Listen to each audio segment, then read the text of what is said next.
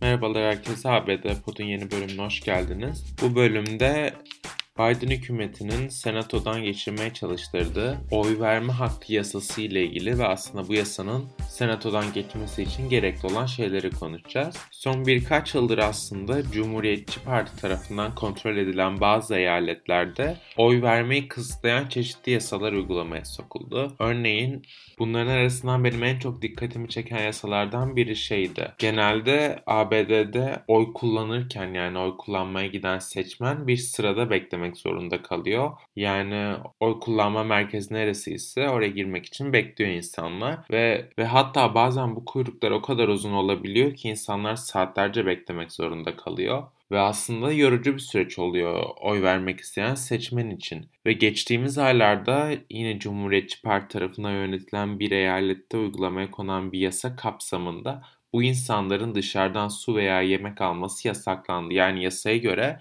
sırada bekleyen bir insana dışarıdan kimse gelip su veya yemek veremiyor. Yani aslında buradaki amaç şey olmuş oluyor. Direkt olarak insanları bir şekilde oy vermekten caydırmak oluyor. Ve bu aslında Amerika siyasetinde çok rastlanan bir durum. Özellikle Cumhuriyetçiler tarafından yönetilen eyaletlerde. Çünkü aslında Amerika'da insanları sandığa gitmemesi demek Cumhuriyetçi Parti'nin kazanma ihtimalinin daha da artması demek.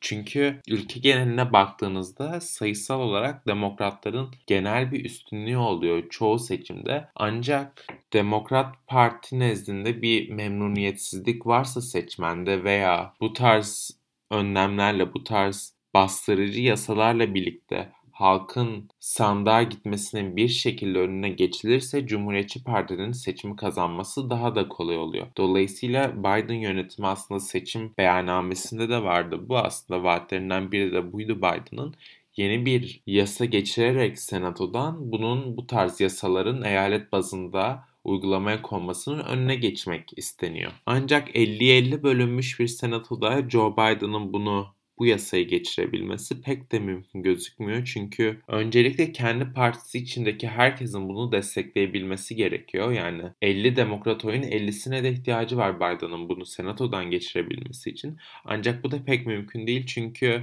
İki senatör Joe Manchin ve Kristen Sinema bu yasa tasarısına karşı çıkan demokrat isimler arasında geliyor. Dolayısıyla Joe Biden önce bu isimleri ikna etmesi gerekiyor.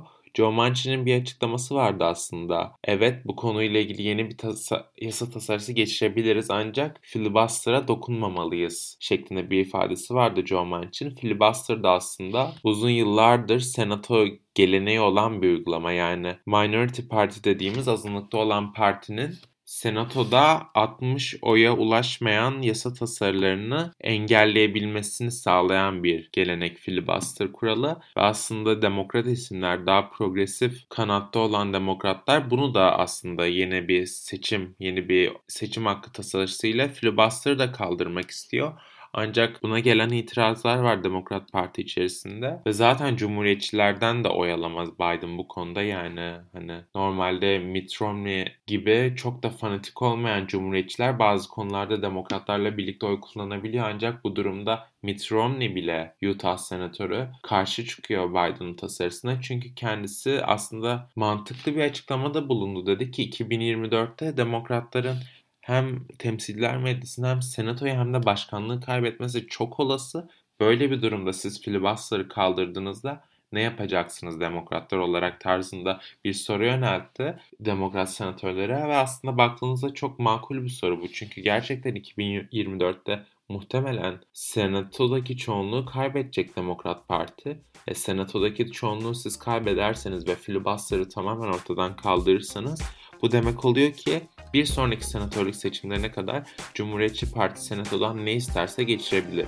Bu da aslında Demokrat Parti için yani inanılmaz büyük bir facia olur. Dolayısıyla aslında bunu da düşünerek biraz hareket etmesi gerekiyor demokratların. Bu haftaki bültenimiz bu kadardı. Dinlediğiniz için teşekkürler.